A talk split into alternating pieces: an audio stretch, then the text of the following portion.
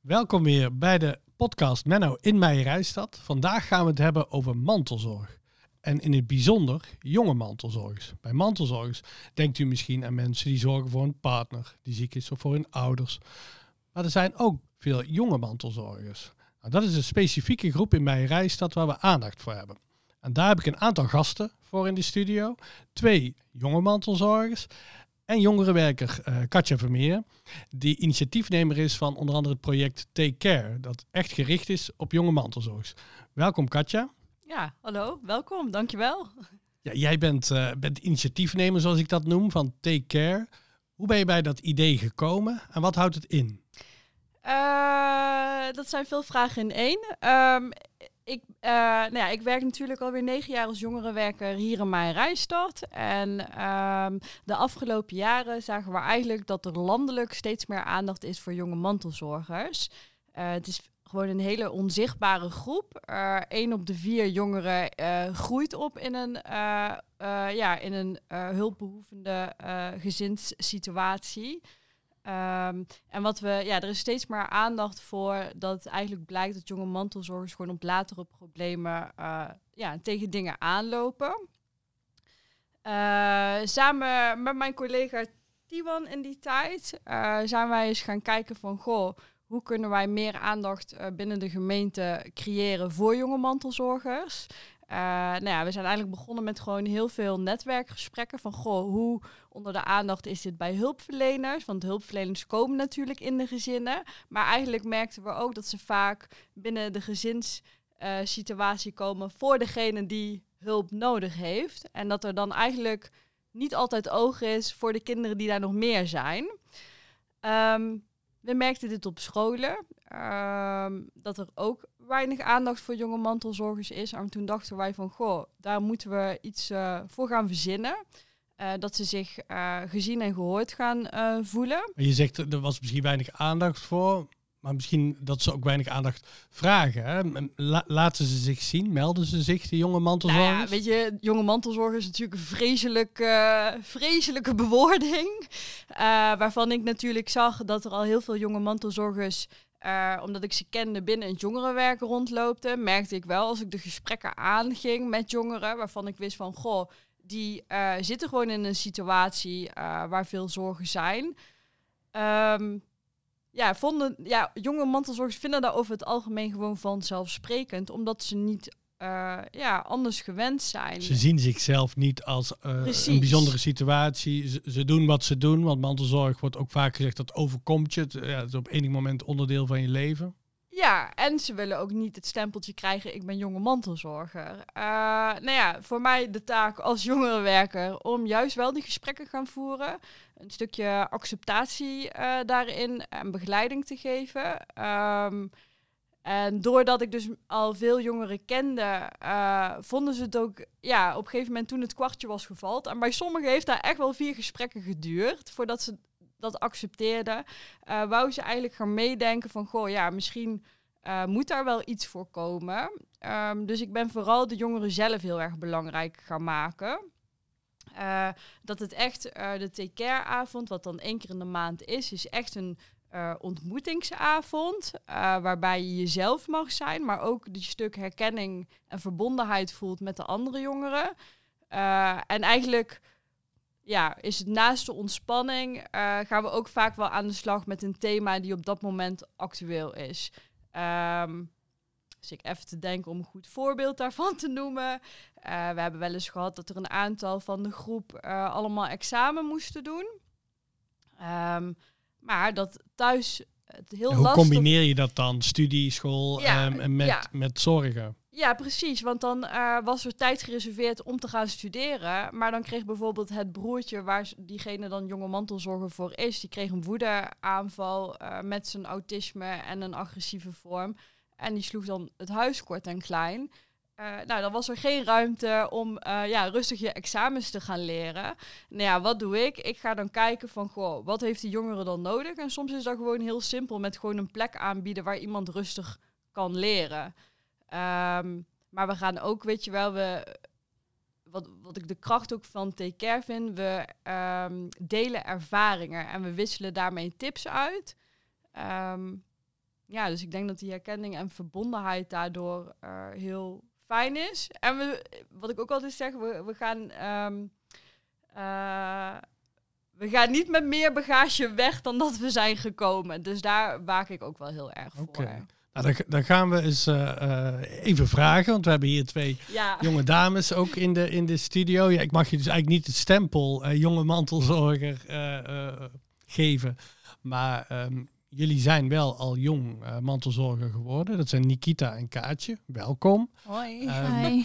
Nikita, ma- mag ik eens bij jou beginnen? Ja, Ehm, tuurlijk. hoe lang eh, ben je al mantelzorger? En, en, en wat houdt de mantelzorg in jouw geval in?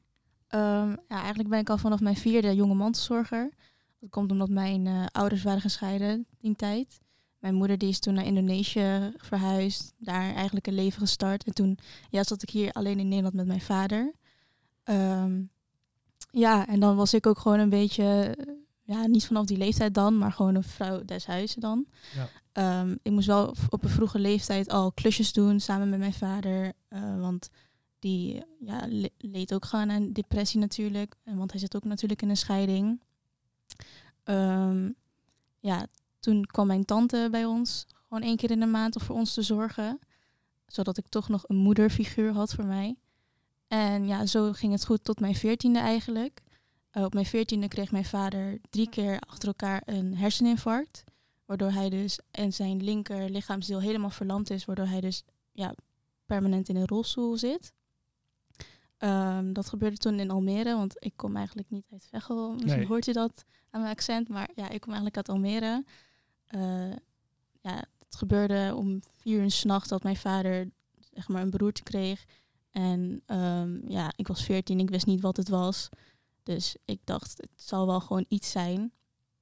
Tot op het moment dat ik in de ochtend naar school moest om negen uur s ochtends. En mijn vader naar werk. En eh, het lukte gewoon niet. En ik zei, dan blijf ik wel thuis om voor u te zorgen. En mijn vader die belde op een gegeven moment naar een collega van hem. En die zei, het gaat niet goed, je hebt gewoon een beroerte. We bellen een ambulance naar jou. En die komt nu naar jou toe. Dus dan ja, zaten we daar, gingen we naar het ziekenhuis toe. En eh, ja, daar zat hij dan voor drie, vier maanden ongeveer. Ehm, daarna ging hij naar revalidatie toe in Huizen. En eh, op dat moment kreeg ik te horen van een sociaal werkster dat ik ja, niet meer bij papa kon wonen in Almere. Jij woonde alleen bij je vader. Ja, ik woon alleen. Ik heb geen broers en zussen. Ik heb wel broers, of uh, halfbroers en zussen. Maar die wonen allemaal in Indonesië samen met mijn moeder. Dus ja, zat ik hier in mijn upje eigenlijk met mijn vader. Ehm, amper mensen om ons heen. Echt alleen maar om mijn tante. Want mijn vader die, die sloot zich eigenlijk echt van de buitenwereld af door de, ja, door de scheiding eigenlijk. En eh, ja, in huizen kwamen dus erachter dat ehm, ik niet meer bij papa kon wonen, omdat hij dus niet voor mij kon zorgen. En moest ik bij mijn oom en tante wonen hier in Veghel.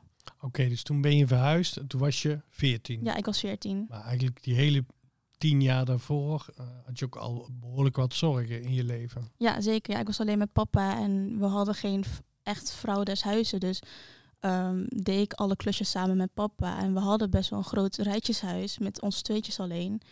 Dus dan is er best wel heel veel klusjes te doen. Ja, dus je veel meer dan andere kinderen op die leeftijd was je dan betrokken bij het, het, huis schoonmaken, Ja. bij boodschappen, koken, dat soort dingen. Ja, zeker. Oké. En was dat, eh, voelde dat zwaar voor jou in die tijd? Of ja, je groeit daar misschien ook gewoon in? Ja, het was eigenlijk gewoon heel normaal voor mij. Het was natuurlijk, ja, mama is weg, dan, dan doe ik het wel voor papa. Of dan doen wij het samen met elkaar. Ja. Het zit ook natuurlijk in onze cultuur dat, dat de vrouwen heel veel doen, natuurlijk.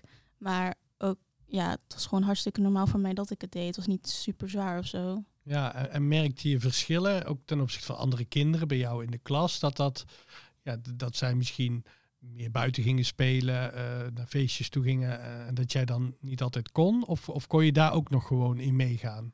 Ehm, daar kon ik ook gewoon mee ingaan. Alleen, ik bleef toch liever bij papa thuis, want het was toch altijd een zorg van... ehm, wat als hij dan alleen thuis is? Gaat er dan iets gebeuren natuurlijk? Dus ik bleef toch liever thuis bij papa. Ja, ja Katje, dan kom ik toch nog even bij jou terug.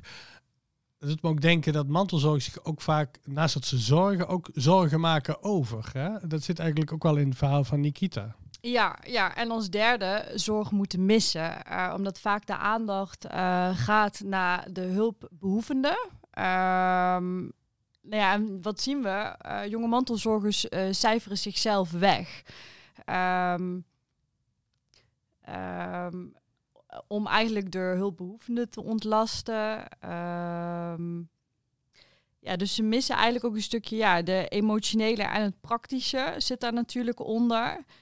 Ehm, ja, het zijn eigenlijk hele zorgzame jongeren. Ja. Eh, vooral de, de meiden, daar merken we wel verschil in. Eh, met, met jongens en met meiden, eh, dat daar een jonge mantelzorgstuk zeker verschil in zit. Ehm, maar inderdaad, bij de, eh, bij de ja, meiden en dan inderdaad misschien cultuur. Kan allemaal van invloed zijn Ja. op, op hoe dat dan gaat.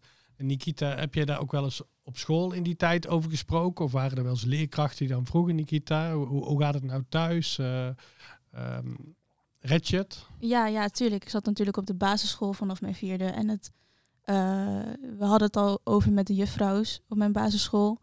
En dan als het moederdag bijvoorbeeld was, ja, dan had ik dan geen moeder op dat moment.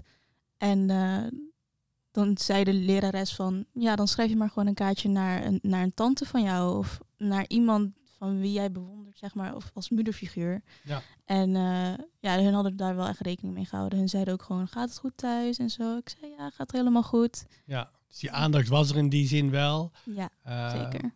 Maar, je- maar je vroeg niet om hulp. Want je dacht, nou, ik, ik doe wat ik doe en, en het gaat zo goed als het gaat. Ja, ja, nou, ik vroeg totaal niet om hulp, nee, want het ging gewoon wel. Eh, op een latere leeftijd dacht ik wel van, is het niet mijn schuld dat mama nu weg is? Ehm, daar had ik dan wel natuurlijk voor hulp voor, want ja, een kind hoort eigenlijk echt geen schuld op zich te hebben. Nee. En vooral niet over een scheiding natuurlijk. Dus eh, daar vroeg ik natuurlijk wel hulp om, om scholen. En eh, ja, kon ik gewoon elke keer op gesprek gaan met mijn juffrouw eigenlijk. Zo'n Ja, en die, ja, dat, dat je uit huis ging hè, naar je oom en tante hier in Veghel. Dat is natuurlijk wel een enorme impact op je leven. Hè? Je verhuist naar de andere kant van het land. Ja, ja dat is een grote impact. Want ehm, toen ik 14 was, zat ik ook in mijn examenjaar. Mijn eindexamenjaar op de middelbare school in Almere. Ehm, mijn vader en mijn ooms en tantes die hebben bewust gekozen dat ik mijn laatste jaar eh, daar zou afmaken. Dus zijn een heel jaar eh, elke week op en neer gereden van Veghel naar Almere en weer terug. En ja, ik moest natuurlijk mijn, mijn vrienden loslaten en een nieuw leven eigenlijk starten hier. Ja, ja, dat is ook wel heel bijzonder dat, dat je oom en tante dat gedaan hebben. hè, Om je, eh, om je daarin te, te helpen, te ondersteunen. En ook, eh, ook eh, ja, een grote stap om dan een nieuw leven op te bouwen. Hoe oud ben je inmiddels? Ik ben nu 18. 18, dus Ja. je woont toch alweer een paar jaar hier. Ja, Ben je inmiddels helemaal ingeburgerd hier Ja. in Veghel? Ja, ik ben laatst nog naar Almere geweest en toen dacht ik, nou, ik vind Veghel wel eigenlijk fijner dan Almere, omdat hier lekker rustig is. En Almere heb je ook weer andere mensen natuurlijk. Ehm, ja, het is hier hartstikke fijn. Nou, ik denk dat onze luisteraars niet wel leuk vinden dat eh, te horen. ja. Eh, eh, Kaatje, om eens, eh, om eens naar jou de oversteek eh, te maken. Hoi. Ehm, jij bent ook mantelzorger, Klopt. ook al lange tijd. Vanaf mijn negende eigenlijk. En je bent nu, ik word over twee dagen 19. oh, dus al, al zo'n tien jaar. Ja. Dat is een lange periode. Hoe, ehm, ja, hoe, hoe ging dat in jouw situatie? Nou, op mijn negende ehm, heeft mijn moeder borstkanker gekregen. En ehm, ik denk dat het op dat moment heel erg een stukje was zorgen maken en zorg missen. Want ik heb een topjeugd gehad, dat wel. Maar ja, natuurlijk gaat er iets meer zorg naar mijn moeder toe dan naar mij eigenlijk. Ehm, en toen ik 14 was, is ze uiteindelijk komen te overlijden. Dus ze is heel lang ziek geweest. Ehm, en ja, daarna heb je natuurlijk het rouwproces. Als enige vrouw in huis met twee mannen. Je hebt toch een, eh, een broertje of een broer? Broer, ja. broer. Ja. En dat, ja, die periode van vijf jaar is natuurlijk ook wel, wel intensief. eh, want er waren natuurlijk altijd zorgen dan om de gezondheid van je moeder. Ja. Ja, en wa- wat deed dat met jou? Ehm, nou, ik vind het heel lastig om daarover na te denken, zeg maar. Want Ja. het voelde mij eigenlijk als normaal of zo. Ik wist niet beter. Nee. Want je gaat gewoon naar school en, en dat ging natuurlijk ook allemaal Ja. wel, eh, wel door. Ja. Ja. En ehm, hoe ben je, ehm, want jij kent denk ik het project Take Care. Hè? Daar ben, Ja. Zo ben je ook eh, hier terechtgekomen. Ja. Ehm, heb je dat zelf ontdekt? Of kwam dat ergens in die periode op jouw pad? Of is dat pas meer iets van, eh, van de laatste jaren? En mijn broer die eh, ging ze zo al naar het jongerencentrum. En ehm, daar zijn de begeleiders eigenlijk naar hem toegestapt van...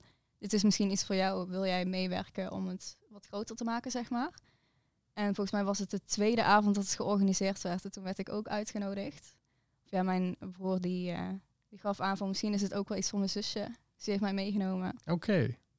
En ehm, ja, toen is eigenlijk verteld van, ja, je bent eigenlijk mantelzorger. En wat jij meemaakt is niet standaard, zeg maar. Ja. Herkende je dat ook meteen? Nee, ik moet heel eerlijk zijn dat ehm, was vrij kort daarna was de eerste week van de jonge mantelzorger die ik mee heb gemaakt. En ehm, toen ging ze ook jongeren interviewen. En er was toevallig allemaal mensen met een broertje of zusje met autisme of iets wat erop lijkt.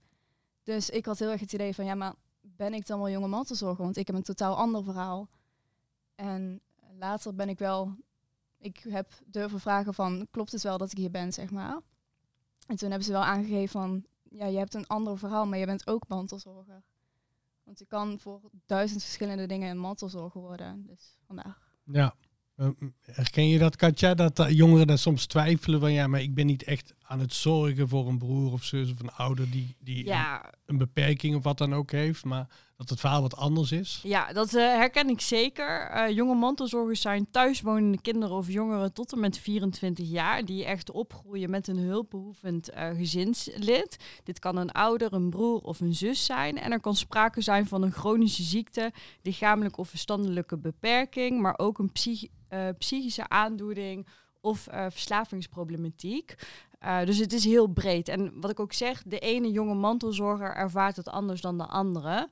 Ehm, en vaak zit er eerst een stukje acceptatie uh, bij. En dan op het moment dat, dat ze zover uh, zijn, dan komt het besef en de bewustwording. En dan vaak ja, komen ze uiteindelijk naar TK. Daarom vind ik het ook ontzettend belangrijk ja, dat ik voorlichtingen blijf geven op scholen. Uh, om die bewustwording te creëren. Uh, en ze dan, als ze er op een gegeven moment klaar voor zijn, zijn ze welkom om te komen. Uh, maar ik heb ook bijvoorbeeld jongeren in mijn caseload die zeggen van nou, goh, take care is niet echt wat bij mij past. Maar de één op één gesprekken, die worden wel gevoerd.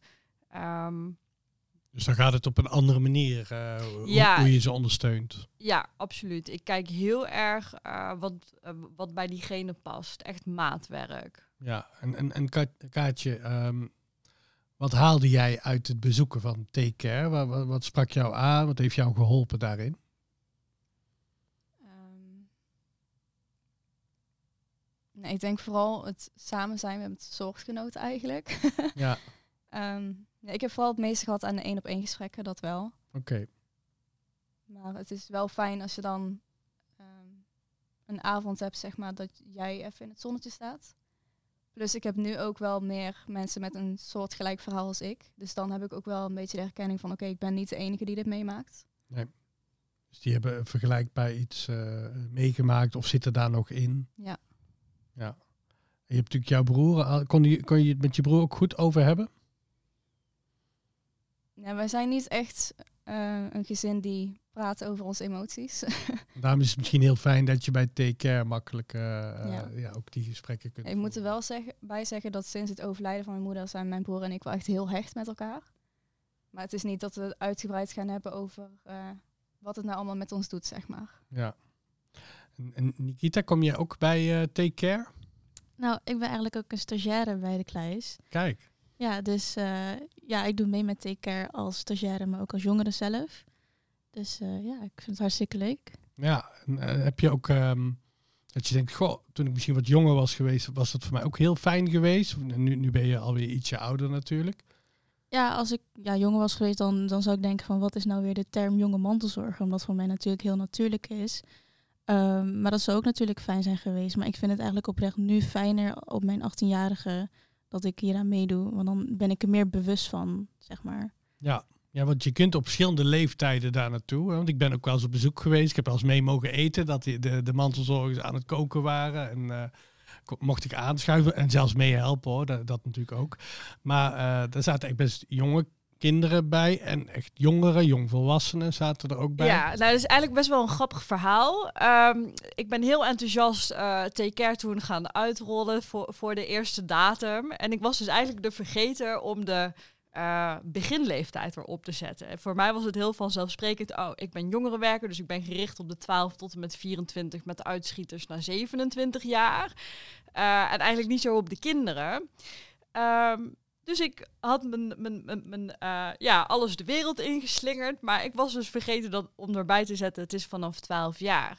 En uh, nou, uiteindelijk, uh, wat ik nooit had verwacht, was dat er bij de eerste, de allereerste take al gewoon 12 jongeren kwamen. Dat is echt heel bijzonder. Ja. en daar kwamen ook een paar broertjes en zusjes in mee. En zelfs een broertje van 10 jaar. En ik stond zo een beetje zo bij die ouder dat ik dacht, oh, maar neem jij deze jongen dan niet mee van tien, weet je wel, mee naar huis? En toen dacht ik, en toen viel bij mij pas het kwartje van, oh shit, ik ben het helemaal vergeten om, om, uh, om die uh, leeftijd erop te zetten. Dus dacht ik, nou weet je, ik ga gewoon eens kijken hoe het gaat. En ook even met vader overleg van, goh, um, eigenlijk is het vanaf de brugklas, vanaf 12 jaar. Maar ja, we kunnen uh, kijken.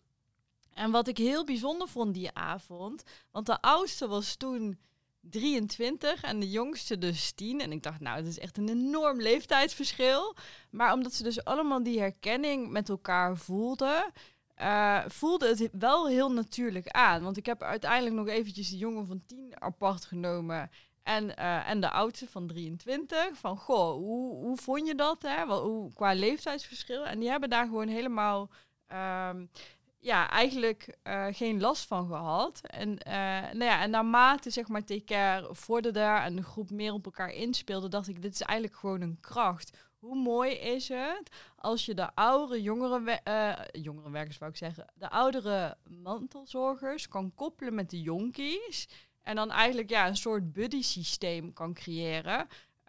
waarbij ze echt van elkaars ervaringen kunnen leren. Um, en dat zie ik ook dat dat gebeurt. En dat is echt, oh, dan klopt mijn hart sneller. Als Zo helpen ze elkaar ook. Ja, ja, want dat is natuurlijk uiteindelijk uh, ja, zo mooi dat dat kan. Um, en uh, ja, ze zijn ook één voor één allemaal uh, ambassadeurs van mij. in de zin van, nou ja, ik geef ze ook altijd mee van, goh, zit er in de klas iemand die het nodig heeft? Er attendeer ze hierop? Um, of weet dat ze altijd een gesprekje met mij kunnen voeren? Uh, dus ja, dat is heel mooi om te zien wat dat uiteindelijk voor constructie dan wordt. Ja, en um, uh, Nikita, jij bent eigenlijk ook zo'n jongere die er aan de ene kant zelf dus uh, ook, ook het fijn vindt om erbij te zijn. Maar ook denk ik ja, een, een voorbeeld kan zijn voor jongeren die misschien in jouw situatie van een paar jaar geleden zitten. Merk je dat ook bij Take Care? Dat je ook een beetje een voorbeeld bent? Um, nou, ze behandelen me eigenlijk, eigenlijk een van hun als gewoon de jongeren zelf. Ja, ze weten dat ik dan natuurlijk ook gewoon stagiaire ben. Um, ja, Katja is natuurlijk dan wel het aanspreekpunt. En ik ben er gewoon meer van, um, als er wat is, je kan altijd gewoon met mij praten. Ja. Maar je vergeet wel iets heel belangrijks. En dat is uh, dat jij ook nog met heel veel uh, één op één sessies hebt met boksen. Om een stukje aan zelfvertrouwen ja. te werken, grenzen stellen. Dus dat moet je wel benoemen. Ja, ja, met sommige box ik ook. Ik heb uh, nu een boxactiviteit. Uh, Boksen als echt in ja, met die handschoenen ja, in de ring? kickboksen zelf, ja. Oh, kickboksen Ja, heb ik gewoon een activiteit uh, daar gemaakt bij de kluis. Zodat ik ook gewoon jongeren leer om ja, zelfverzekerder van hunzelf te worden.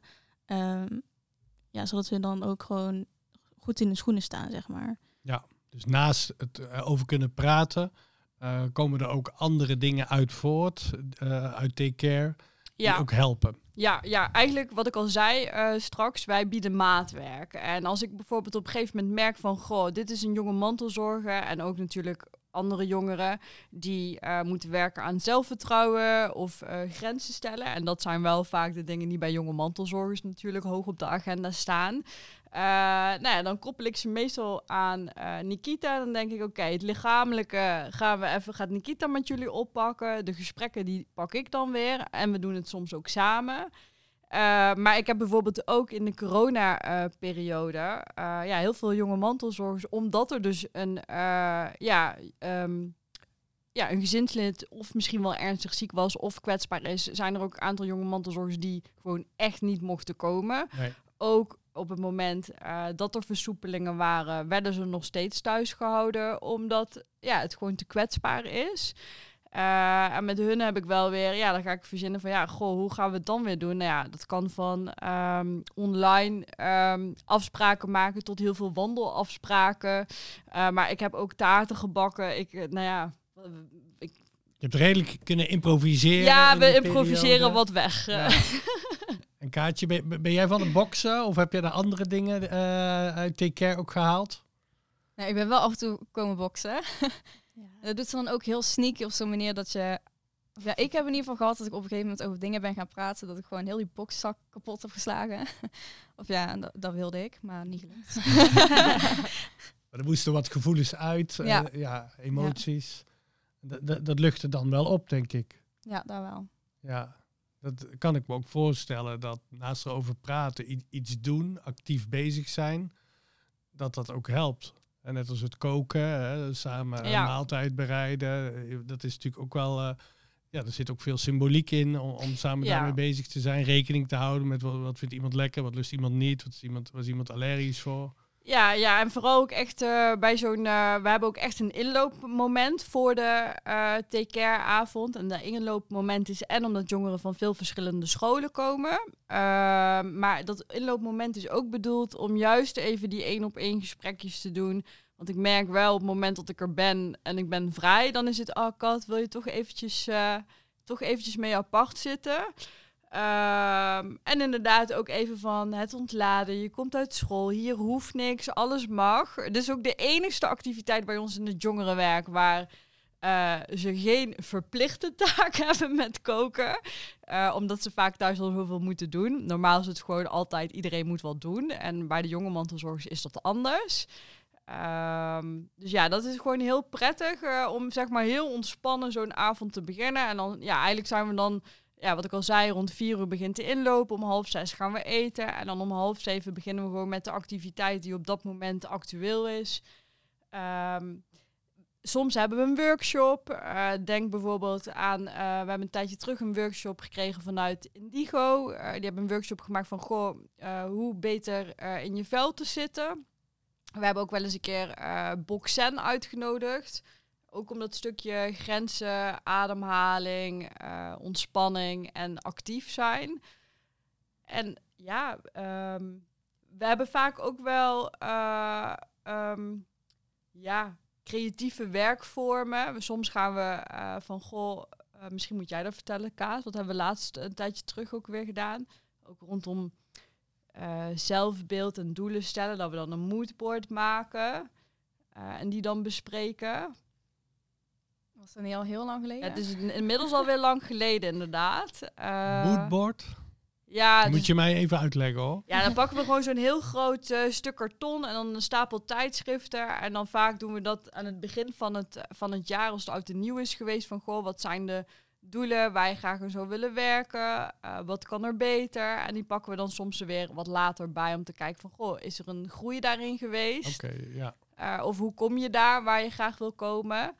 Uh, maar we doen het wel allemaal heel laagdrempelig, omdat we juist ook echt willen van, goh, het is niet zeg maar een of andere um, intense groep waar ze heen moeten. Het moet vooral die, dat ontspanningsstuk uh, moet er ook in zitten. Ja, en Kaatje, is het een beetje dezelfde groep die er iedere keer komt? Of zitten er toch wel wisselingen in? Um, nou ja, ik ben er echt sinds het begin bij, zeg maar. Dus ik zie wel uh, mensen die gaan weg, die uh, hebben het dan niet meer nodig. En weer mensen die erbij komen. Ja, het is wel, mensen blijven er wel voor een langere periode. Dus je hebt wel echt je groepje, zeg maar. Of ja, Ja. groep eigenlijk. Ja, Maar er is altijd ruimte weer voor, voor, voor nieuwe eh, eh, jongeren die daar behoefte aan hebben. En jongeren op enig moment eh, ben je ook geen jongere meer. Hè? Dan, dan ben je een beetje te oud om nog jongeren genoemd te worden. Maar dan stromen ze uit, hè? zo noemen we dat meestal. Ja, ja, klopt. Ja, het is. we hebben echt wel pieken en we hebben ook wel dat het wat minder gaat. Ehm, maar over het algemeen, ja, hebben we wel een. Nou, we hebben echt al, al vanaf dag één best wel een harde kern die echt trouw gewoon al 3,5, 4 jaar komt. Ik denk dat we zo lang inmiddels al bezig zijn. Uh, had ik zelf eigenlijk ook niet verwacht dat ze zo lang zo, met zoveel plezier kwamen. Dus dat is wel een heel mooi compliment natuurlijk.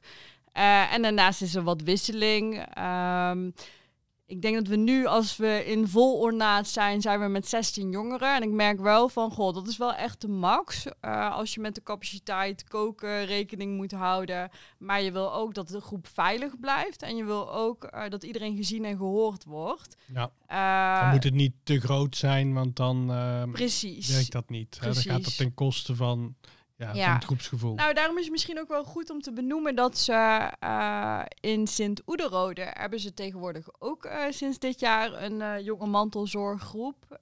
dus dat is ook wel heel fijn. Dus mocht straks echt, ja, het, of er moet nog een groep gestart worden, of nou ja, we kunnen ook op een gegeven moment gaan doorverwijzen. Ja, ja, dan kunnen in ieder geval jongeren ja. ook daar terecht. Want het hoeft niet per se in het dorp waar je, waar je woont. Nee, ja, dat merk ik ook. Sommigen die kiezen er heel juist bewust voor uh, om niet naar het dorp te gaan. Uh, omdat het toch nog een stukje taboe of schaamte op zit. Ja, ja je uh, geeft best wel iets ja. van je persoonlijke leven. Ja, zij is wel maar een, enkel, een enkeling. Ja. Um, ja. Oké. Nou, we, gaan een beetje naar het einde van dit gesprek. Ik wil uh, Nikita en Kaatje jullie in ieder geval heel erg bedanken voor ja, jullie, jullie open verhalen. Ik vind het toch heel, uh, heel dapper altijd als mensen dat zo kunnen vertellen hier in, in de studio. Dus ontzettend dankbaar ben ik daarvoor. Nog één laatste vraag aan jullie allebei. Als je nou een tip of een advies zou mogen meegeven aan aan een jongere van, nou, zeg maar tien jaar jonger dan jullie nu zijn, hè, die ook uh, als jonge mantelzorger um, uh, ja, in zo'n situatie zit. Welk advies of tip zou je die dan mee willen geven? Mag, mag ik bij jou beginnen, Nikita? Ja, tuurlijk. Um, zelf propte ik ook alles in, zeg maar alle emoties. Dus ja, als tip, prop al je emoties niet in, maar ga, ga iemand opzoek, opzoeken, zeg maar, om daar je emoties te uiten. Ja, iemand dicht bij je. En dat, dat kan in, in het gezin, in de familie, uh, vrienden, buren, school, kan op allerlei plekken. Ja, of een, ja, of een sociaal werkster, gewoon ja. of een vreemde. Dat, daar ga je natuurlijk veel meer op uiten dan iemand dichtbij. Ja. Tenminste, zo had ik het. Ja, dan moet je de weg wel weten ja. te vinden natuurlijk naar een uh, sociaal werken. Ja, inderdaad. Ja. Nou, dankjewel Nikita. Kaatje, dezelfde vraag? Ja, het is misschien een beetje aansluitend op wat Nikita zei, maar um, ja, ik ben uiteindelijk alles op mezelf gaan betrekken. En um, ik was ook heel erg een persoon die niet naar familie durfde te stappen, omdat ik mensen niet lastig wil vallen met mijn emoties. En um, toen is het bij mij echt best wel fout gegaan in mijn hoofd. Dus daarom wil ik ook gewoon zeggen van durf om hulp te vragen. Er zijn mensen die jou willen helpen. En um, er is hoop. ja, nou, heel, uh, heel fijn dat je die tip geeft. En ik hoop ook echt dat ja, jonge mantelzorgers die eventueel deze podcast uh, horen, ook echt naar jullie, jullie luisteren en jullie ervaring ook, ook meenemen. Daar kunnen ze gewoon heel veel aan hebben. Katja, jij ook ontzettend bedankt voor je komst. En ga door met het goede werk bij Take Care. Nou, luisteraar, ik hoop dat, uh, dat u uh, een boeiend gesprek gehoord heeft over jonge mantelzorg. U weet nu precies wat er allemaal onder de definitie valt. En dat we tegelijkertijd ook niet jongeren stempel willen opdrukken. En dat het fijn is als jongeren erover kunnen praten. En dat er in mijn reisstad in ieder geval ook een plek is waar ze terecht kunnen. En dat is Take Care. Dank voor het luisteren en tot de volgende keer bij de podcast Menno in mijn reisstad.